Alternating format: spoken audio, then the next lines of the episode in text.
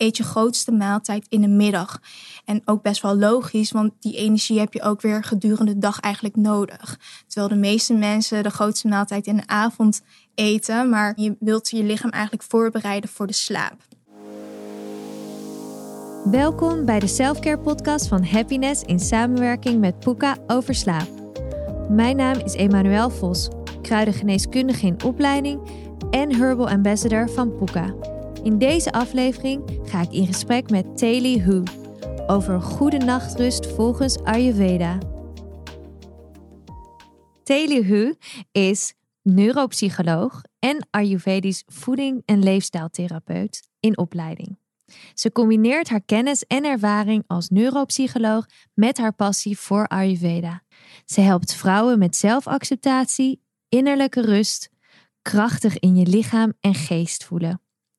Op dit moment is Taylor student bij European Institute of Scientific Research on Ayurveda en is ze bezig met het opzetten van een eigen praktijk. Dankjewel dat je bij ons bent vandaag. Dankjewel dat ik hier mag zijn. ik wil even beginnen met een grappige vraag. Hoe jij vanochtend je kaffa-uren bent begonnen. En dan gaan we aan de hand van het gesprek een beetje verder toelichten wat dat precies inhoudt. Hele mooie vraag. Ik ben vandaag uh, bewust eigenlijk opgestaan met de intentie I got this. En met een hele positieve intentie van ik ga dit gewoon helemaal rocken.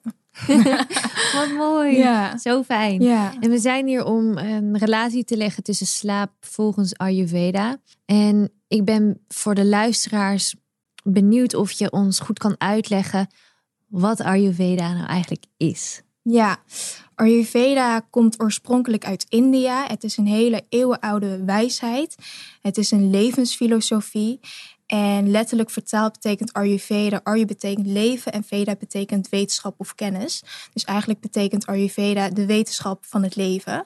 Het leert jou eigenlijk vaardig door het leven te gaan. Het reikt jou tools aan om een zo'n gelukkig en gezond mogelijk leven te leiden. Het is een heel holistisch geneeskunde. Vooral ter preventie, maar ook als er wat klachten zijn, symptomen, dan ook voor de genezing van die symptomen en klachten. Um, op een hele natuurlijke wijze, voornamelijk met natuurlijke kruiden en vanuit het zelfhelend vermogen, dus echt vanuit je eigen kracht om je lichaam weer helemaal terug in balans te brengen. Ja, wat mooi. En um, ik heb begrepen dat Ayurveda ook heel erg te linken is aan de elementen. Zou je daar iets dieper toelichting Ja, zeker. Volgens Ayurveda zijn wij als mens eigenlijk een microcosmos van een grote macrocosmos, oftewel de grote natuur. En uh, wij zijn dus een onderdeel van de grote natuur. En uh, we bestaan eigenlijk allemaal uit dezelfde elementen als de natuur. En die vijf elementen zijn dan eigenlijk ruimte, lucht, vuur, water en aarde. En natuurlijkerwijs bewegen bepaalde elementen naar elkaar toe, zodat er bepaalde dosha's ontstaan. Dus ruimte en lucht vormen samen de vata dosha, vuur en water vormen pitta en water en aarde vormen kapha dosha.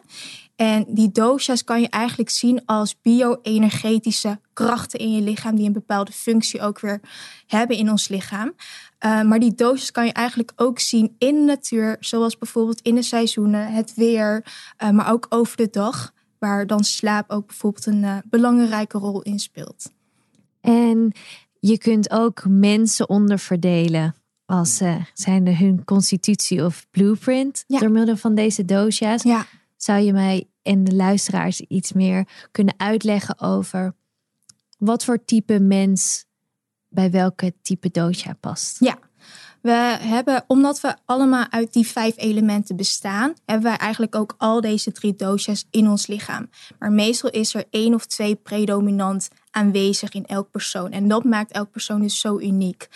Um, dus laten we zeggen, een vatenpersoon, heel erg typerend voor een vatenpersoon is, nou ja, vaten staat voor lucht en ruimte. Dus lucht staat voor beweging, het zenuwstelsel. Dus die mensen met een verhoogde vaten zijn ja, wat onrustig, uh, gevoelig, gevoelig voor prikkels van buiten. Uh, ze kunnen wat angstig zijn, onzeker zijn. En het luchtelement is bijvoorbeeld ook de gedachtenstroom. Dus ze hebben heel veel ideeën. Het zijn ook meestal hele creatieve mensen met duizenden ideeën tegelijk. Uh, heel vaak aan het multitasken, dus zijn ook heel snel afgeleid bijvoorbeeld. ze gaan met volle enthousiasme in een project of een activiteit zitten, maar maken het eigenlijk ook ja, maken het niet af, omdat ze zoveel andere dingen op hun pad krijgen. Um, qua lichamelijke symptomen, wat je kan ervaren, is bijvoorbeeld opgeblazen buik of heel veel droogte, dus een droge huid, koude handen en voeten. Um, en als het heel heftig wordt, ook bijvoorbeeld uh, ja, reuma of uh, Parkinson zelfs. Dus dat is een beetje het vatentype. En een pita-type, heel erg karakteristiek bij een pita-type, dat staat voor, uh, ja, ze hebben dan echt het vuurelement in zich. Dus dat is echt die daadkracht. Ze zijn best wel ambitieus, ze hebben heel veel, uh, ze hebben een idee, maar ze maken, ze, ze, maken, ja, ze, ze gaan er ook echt voor. Het zijn echt de doeners. Um, hun valkuilen zijn dan vooral het aanvoelen van hun eigen grenzen. Ze kunnen dan te snel eigenlijk met enthousiasme met iets bezig zijn en daardoor eigenlijk over hun grens heen gaan. En daardoor kunnen ze dan bijvoorbeeld terechtkomen in een burn-out. Echt letterlijk burn-out. Echt, het vuur is dan echt helemaal te, veel te hoog, waardoor ze helemaal uh, uitgebrand zijn. Um, ze kunnen ook aardig kritisch zijn op zichzelf. Naar buiten, naar andere mensen, maar ook naar zichzelf toe. Dus ook het perfectionisme bijvoorbeeld. En lichamelijk kunnen ze bijvoorbeeld uh, ontstekingen ervaren, maagzuur. Um, en dat soort dingen. Ja, en ook huidproblemen. En een kaffa-type, dat is meer de aardse, dus hè, aarde en water. Dus die zijn heel erg gegrond, heel erg stabiel en eigenlijk heel erg liefdevol. En ze stralen ook echt het vertrouwen uit. Um, Alleen wanneer er te veel zwaarte in het lichaam is, dan kunnen ze ook heel erg lethargisch juist worden en uh, niet vooruit te branden. Dus eigenlijk hebben zij juist wat meer beweging nodig. Wat vaten te veel hebben, hebben kaffa eigenlijk ja, die beweeg, bewegelijkheid nodig. Um, en ze kunnen ook heel erg vasthouden. Dus dan kunnen ze echt terechtkomen in een bepaalde tunnelvisie. Maar ook het vasthouden aan bepaalde routines of bepaalde overtuigingen. En helemaal niet meer open-minded zijn voor andere ideeën bijvoorbeeld. Dus dat is uh, wat typerend is bij een kaffa. Naar aanleiding uh, van jouw prachtige uitleg over de dosha's, ben ik wel benieuwd om dit in relatie te brengen met slaap. Mm -hmm. Dus hoe zou het bijvoorbeeld tot uiting komen in slaapproblemen wanneer een vata-energie te hoog is. Ja. Of juist bij kaffa-mensen betekent dat dat ze juist langzamer worden. Kan je daarmee en de luisteraars meer inzicht ja, geven? Zeker. Nou, de kwaliteit van slaap heeft heel erg te maken met wat wij eigenlijk dagelijks doen, dus overdag. Dus het is heel erg afhankelijk van wat we overdag doen. En hè, slaap heeft dan ook weer effect op het, over, het functioneren overdag. Dus Um, een vaderpersoon, wat ik net al zei, die is van nature kunnen ze gevoelig worden voor, ja, onrust, onzekerheid. Uh, ze kunnen heel veel piekeren en dat soort dingen. Dus ze hebben best wel veel aardig stress overdag. En dat betekent eigenlijk dat ze dat in de avond um, hebben ze best wel veel moeite met het inslapen, uh, doorslapen. Ze worden ook regelmatig wakker. Ze slapen aardig licht en uh, heel erg gebroken. Um, en omdat zij eigenlijk best wel veel stress hebben overdag, hebben zij eigenlijk de vatentype uh, de meeste slaap ook nodig vergeleken met de andere dosha's. Wat gebeurt er eigenlijk in de avond? De avond is eigenlijk echt voor het mentale, emotionele en het fysieke herstel. Dus en um, voeding wordt echt verteerd. Dus het, het lichaam gaat echt uh, beginnen met het reinigen van het lichaam. Maar ook bijvoorbeeld emoties, ervaringen, indrukken van de, van de gehele dag wordt dan eigenlijk ook verteerd en omgezet. En daardoor is slaap bijvoorbeeld ook heel erg belangrijk. En omdat vaderpersonen dus zoveel onrust ervaren, zoveel stress, hebben zij dus ook best wel veel te verteren, te herstellen. Dus vaderpersonen hebben heel veel slaap nodig. En een pita-persoon die slaapt eigenlijk over het algemeen aardig goed. Uh, slapen diep, kort En dat is totally fine. Maar wanneer zij bijvoorbeeld slaapproblemen ervaren, is dat voornamelijk ook het inslapen. En dat komt dan voornamelijk omdat zij zo erg bezig zijn, bijvoorbeeld met, met werken nog uh, in de avond, dat ze nog doorgaan met werken, waardoor zij eigenlijk uh, moeite hebben met slapen. Het zijn echte nachtuilen. En dat is eigenlijk het grootste probleem bij een Pita-persoon. En een kaffepersoon die heeft eigenlijk helemaal geen moeite met slapen. Die slaapt eigenlijk, ja, die kan eigenlijk heel erg gemakkelijk in slaap vallen, ook overdag. En dat is, uh, zij slaapt eigenlijk te veel. Um, dus voor hun is het eigenlijk heel erg belangrijk dat ze juist wat beweging toevoegen. Dus uh, toepassen in hun levensstijl overdag ook. Zodat, ja, zodat ze um, ja, niet te veel in die zwaarte gaan vallen uh, overdag, maar ook in de avond. En wat zij heel vaak merken is dat ze ook niet uitgerust wakker worden. Hmm. Dus uh, dat is een beetje de slaappatronen bij elke dosha. Ja, en ik denk dat het ook belangrijk is voor kaffa-mensen dat ze vooral geen dutjes doen overdag. hè? Exact, inderdaad. Ja. Probeer vooral de dutjes overdag te vermijden. En dat is eigenlijk voor iedereen dus zo. Want uh, dat vertraagt en verslechtert eigenlijk de acne, de spijsverteringsvuur. Uh, ja, dus dat is vooral voor kaffepersonen. Vermijd dat vooral. Tenzij bijvoorbeeld uh, echt jonge kinderen, die zijn echt in hun opbouw. Uh, als je ziek bent, zwangere vrouwen, ouderen, die, die mogen echt wel overdag een dutje doen en ook echt langer slapen. En dat is eigenlijk ook weer gerelateerd met de vatendoosje. Dat vind ik heel bijzonder dat we eigenlijk in de Ayurveda zo kunnen onderverdelen in bepaalde delen van de dag, mm-hmm. in tijdstukken. En wat we dan noemen circadiaans ritme. Dus ik zou eh, jou willen vragen om daar ietsje dieper op in te gaan. Ja, uh, wat ik ook al zei, hè, die doses die, die, ja, die zien we eigenlijk ook terug over de dag heen en eigenlijk ook in de nacht. Dus uh, de tijden van kaffa is bijvoorbeeld van 6 tot 10, zowel in de ochtend als in de avond. Van 10 tot 2 in de middag als in de nacht is de pita-tijd. En van 2 tot 6 uh, in de middag of ochtend is de vata-tijd. En um, ja, als die dosis op dat moment van de dag eigenlijk dominant is, dan voel je ook echt een bepaalde energie. Dus hè, die kaffe-energie is dus ook vooral zwaar en heel erg traag. Dus in de ochtend, als je dus lang blijft doorslapen, dan merk je ook van hé, hey, ik voel me eigenlijk ook helemaal niet uitgerust wakker. Je zit dan echt, je wordt dan wakker in die kaffe-energie. En dat, is, dat maakt het dus ook heel erg moeilijk om de dag echt met frisheid op te, eh, op te starten. En de pita-energie is vooral echt die ja, die transformatie dus. Dus in de middag kan je ook heel goed bijvoorbeeld kennis omzetten in wijsheid. Dus plan dan vooral ook al je productieve taken ook in, vooral in de middag. En het is ook gerelateerd met de spijsverteringsvuur. Dus hè, de capaciteit om voeding ook te verteren. Dus dan wordt, wordt er ook echt aangeraden van, goh, eet je grootste maaltijd in de middag. En ook best wel logisch, want die energie heb je ook weer gedurende de dag eigenlijk nodig. Terwijl de meeste mensen de grootste maaltijd in de avond eten, maar hè, je hebt die energie eigenlijk niet meer nodig en je wilt je lichaam eigenlijk voorbereiden voor de slaap. In de middag heb je de vatenenergie en dan merk je eigenlijk al van goh, mijn, focus uh, is weg. Um, ik raak wat afgeleid. Ik voel dat ik weer moet gaan bewegen. Dus doe dan ook echt lekker een wandeling weer buiten. Of ga juist die creativiteit ook benutten door bijvoorbeeld te gaan sparren met collega's. Pleeg een telefoontje of ga juist werken aan creatieve taken. Dus ja, beweeg echt mee met die ritmes van de natuur. Wat in jou zit, maar ook hè, op zo'n dag. En dan in de avond komen we dan weer bij de kaffa-energie, dus de 6 en de 10 in de avond. En dan is het dus heel erg goed om bijvoorbeeld inderdaad de slaaproutines, rituelen te gaan doen. Om je echt voor te bereiden op de slaap, echt weer terug naar binnen te keren. En als je dat dus niet doet en je blijft dus doorwerken, dan ga je dus merken van, goh, die, dat vuurtje komt weer omhoog. Ik heb weer energie.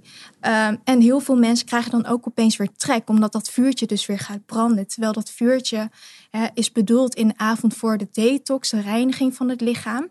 Maar in plaats daarvan ga je die energie gebruiken om door te werken of weer te gaan snacken of wat dan ook. Dus daardoor kan het zo zijn dat inderdaad de pita-personen vooral in de avond heel veel moeite hebben om ja, op tijd naar bed te gaan, voor die pita-energie omhoog gaat, al in bed te liggen. Ja, heel helder. nou, ik merk dat voor mijn vrienden die meer kaffa-mensen zijn, dat zij echt heel veel baat hebben bij sporten in de ochtend. Om echt weer die juices te laten flowen. En aan het eind van de dag meer te focussen op beweging voor ontspanning. Ehm, we zijn nu in de lente. Mhm. Dat is ook meer kaffa-tijd. Ja. Zou je me daar iets meer over willen vertellen? Hoe ik ook dus niet alleen voor kaffa-mensen dit zou aanraden, Mhm. maar eigenlijk voor iedereen, omdat het past bij het seizoen. Ja, Dus iets meer de relatie indiepen van seizoenen en dosha's. Ja, elk seizoen heeft ook weer zijn eigen doosje waar een bepaalde energie weer dominant is. En in de lente voel je echt de energie van die creativiteit of nou ja, het opbloeien weer. Hè, de inspiratie voor nieuwe ideeën, et cetera. Het is weer echt de opbouwfase. En dat is ook eigenlijk kaffa. Het is niet zo van eh, alleen kaffa-personen of als je predominant kaffa bent, dan moet je alleen dit soort dingen doen.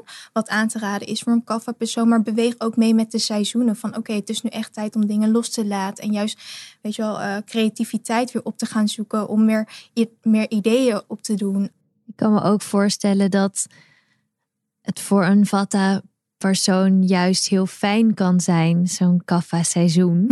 Omdat je daarmee weer een beetje jezelf balanceert als een soort van warme omhelzing en dat aarde-element. Ja, Waar je eigenlijk als vata persoon iets meer te erg in dat luchtelement kan Ja. begeven. ja, ja. Hoe ervaar je dit zelf? Ik ben eh Pieta en Vata. Dus ik merk zelf bijvoorbeeld dat ik in de herfst en in de winter heel snel uit balans raak. Want dan gaat die Vata-energie heel erg omhoog. Dus dan merk je ook al heel snel hele koude handen en voeten, droge huid. ehm, wat onrust bijvoorbeeld. Ehm, dus ehm, in de winter wordt het ook echt aangeraden van... oké, keer weer terug lekker naar jezelf. Ga weer lekker naar binnen toe. Eh, zoek de warmte ook op. Echt die routine, de structuur, de gronding. En ehm, als je dan in de lenteseizoen komt, dan is het weer aan te raden om juist bijvoorbeeld ook weer lekker te bewegen. En dat is dus heel erg fijn. Dat, dat stimuleert eigenlijk ook wel de vaten in jou. Omdat vaten, die persoon, die houden ook wel echt heel erg veel van bewegen. Ze doen het juist te veel. maar ehm, ja, dat maakt ook weer bijvoorbeeld, want in de winter eh, gaan we ook meer neigen intuïtief naar wat zwaarder voedsel. Dat is ook echt om die vaten dan eigenlijk te balanceren. En om, eh, ja, om te gronden en ook die warmte ook weer toe te voegen in onze lichaam en levensstijl. En die kaffe is dan eigenlijk weer daar de lente om bijvoorbeeld die ja, overtollige vet of hè, die zwaarte in ons lichaam weer even los te kunnen laten. En als we dit linken aan slaap, hoe kan ik mijn slaapkwaliteit verbeteren in verschillende seizoenen? En aan welke seizoenen is welke dosha gebonden? Ja, de lente is verbonden met de kaffa-energie. De zomer is verbonden met de pitta-energie. En de herfst is ook weer verbonden met de kaffa. Ligt er net aan of het, ja, of het heel veel regent in, in Nederland. Dat is vaak het geval zo. En de winter is echt die droge kwaliteit. En dat is dan weer de vaten-energie. En hoe je de slaapkwaliteit kan verbeteren, bijvoorbeeld in de lente, is bijvoorbeeld door ehm, ja, echt die kaffa avondtijd te benutten door bijvoorbeeld eh, een licht verteerbare maaltijd in de avond, eh, zodat je ehm, ja, niet met een heel vol gevoel naar bed gaat, zodat het lichaam ook echt de ruimte heeft om de voeding te verteren. Het liefst ook twee à drie uur voor het slapen gaan, de maaltijd te nuttigen. En vervolgens eigenlijk selfcare rituelen zoals journalen, echt de gedachten afschrijven van de dag, eh, dankbaarheidsoefeningen net voor het slapen gaan. Maar ook bijvoorbeeld je vijf zintuigen. En daarmee bedoel ik eigenlijk je oren, je neus, je ogen en je mond en je huid. Dat zijn de vijf zintuigen. eh, zo min mogelijk te overprikkelen nog in de avond. Zodat je echt helemaal naar binnen gaat keren. En hoe, hoe je dat dan kan doen bijvoorbeeld met je ogen... is bijvoorbeeld alle beeldschermen af te sluiten. Dus niet meer doorgaan werken in de avond, maar echt ja, tijd te nemen echt voor jezelf.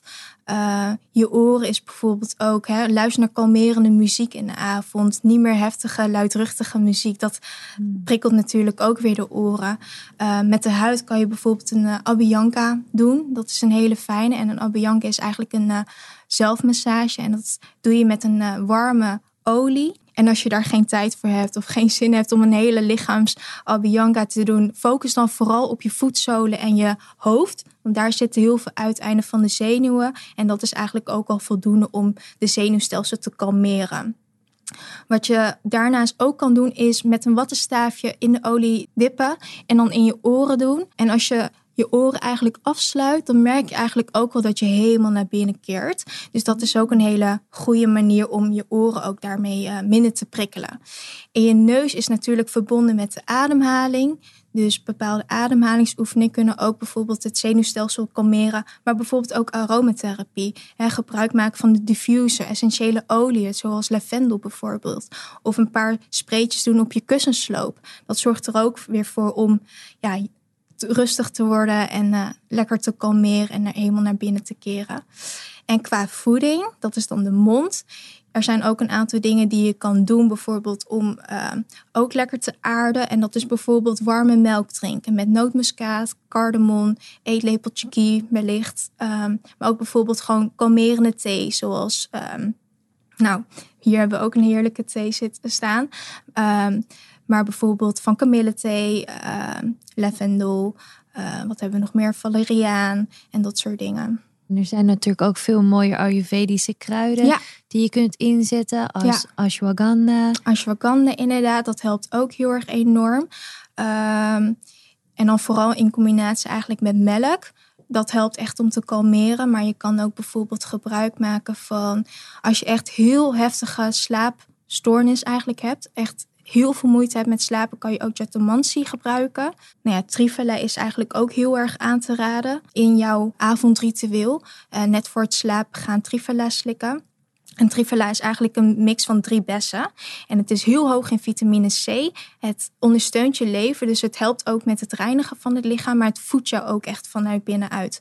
Dus um, het geeft je ook echt kracht. Dus dat is echt een perfecte combi van drie bessen die echt een heel goed effect hebben op je lichaam. En ook zo het spijsverteringsvuur eigenlijk uh, stimuleren. Ja, ook mooi om de link te leggen met slapeloosheid, dat het eigenlijk ons immuunsysteem verzwakt. Ja. En dat we het zo mooi kunnen ondersteunen met kruiden als ashwagandha en ja. trifela om echt weer dat systeem op te krikken. Ja, ja precies. Je hebt ons nu hele mooie tools aangereikt om onze slaapkwaliteit te verbeteren binnen een seizoen. Geldt dat dan voor alle seizoenen? Of ik kan me voorstellen dat in de zomer bijvoorbeeld veel meer warmte is. Heb je dan nog een specifieke tip om onze slaapkwaliteit dan te verbeteren? Ja. Uh, over het algemeen gelden al deze richtlijnen voor elk seizoen inderdaad. zijn hele fijne ja, tools om te doen uh, voor het slapen gaan. Uh, maar je merkt wel dat de, de duur van de slaap per seizoen echt heel erg verschilt. Dus in de lente slaap je eigenlijk veel minder dan bijvoorbeeld in de winter. En in de zomer merk je dat eigenlijk ook. Dan slaap je eigenlijk ook aardig kort. En dat komt ook eigenlijk door de hitte in, in, in het weer en ook in ons lichaam. Um, het is ook trouwens af te raden om in de zomer heel veel uh, seksuele activiteit te hebben.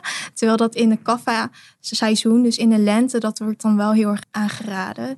En dat is ook wel heel erg ja, mooi. En, en, hè, want de kaffa staat ook in relatie met de bloei en het opbouwen weer. En ja, het nieuwe leven, eigenlijk een nieuwe start.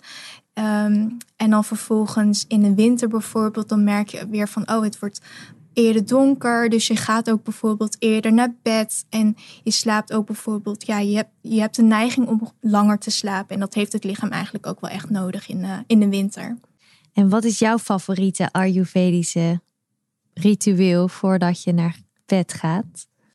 Ja, journalen. Gedachten echt afschrijven. Echt een momentje voor mezelf te nemen. Ik doe niet dagelijks een, uh, een abhyanga bijvoorbeeld. Mm. Maar uh, af en toe zo regelmatig masseer ik ook echt mijn voetzolen en mijn hoofdhuid. Dus dat vind ik wel echt super fijn om dan helemaal lekker zen te worden en helemaal te kalmeren. Ja. En zou je vanuit jouw Ayurvedische lens ook kunnen omschrijven wat het belang is van slaap? Slaap is hartstikke belangrijk, omdat het natuurlijk onderdeel is van onze circadiaans ritme, wat eigenlijk al onze systemen in ons lichaam reguleert. Dus hè, zowel immuniteit, onze vitaliteit, de ojas, uh, maar ook bijvoorbeeld onze eetlust, maar ook hoe we ons voelen, dus onze gemoedstoestand. Uh, dus een slechte slaap kan ook bijvoorbeeld leiden tot echt geheugenverlies, geen goede concentratie, juist onrustig in de overdag, maar ook uh, depressies eigenlijk. En daarom is slaap zo belangrijk, omdat het echt dat mentale, emotionele en fysieke herstel uh, bevordert in ons lichaam tijdens de nacht. Dankjewel, Teli. Dankjewel voor het delen van jouw Ayurvedische wijsheden. Ben jij nou benieuwd als luisteraar wat jouw dosha is? Doe dan onze dosha-test van Happiness en Puka op de website van Happiness. Leuk dat je luisterde naar de Selfcare podcast van Happiness in samenwerking met Puka. Wil je meer leren over een goede nachtrust? Lees dan verder op happiness.nl/slash slaap.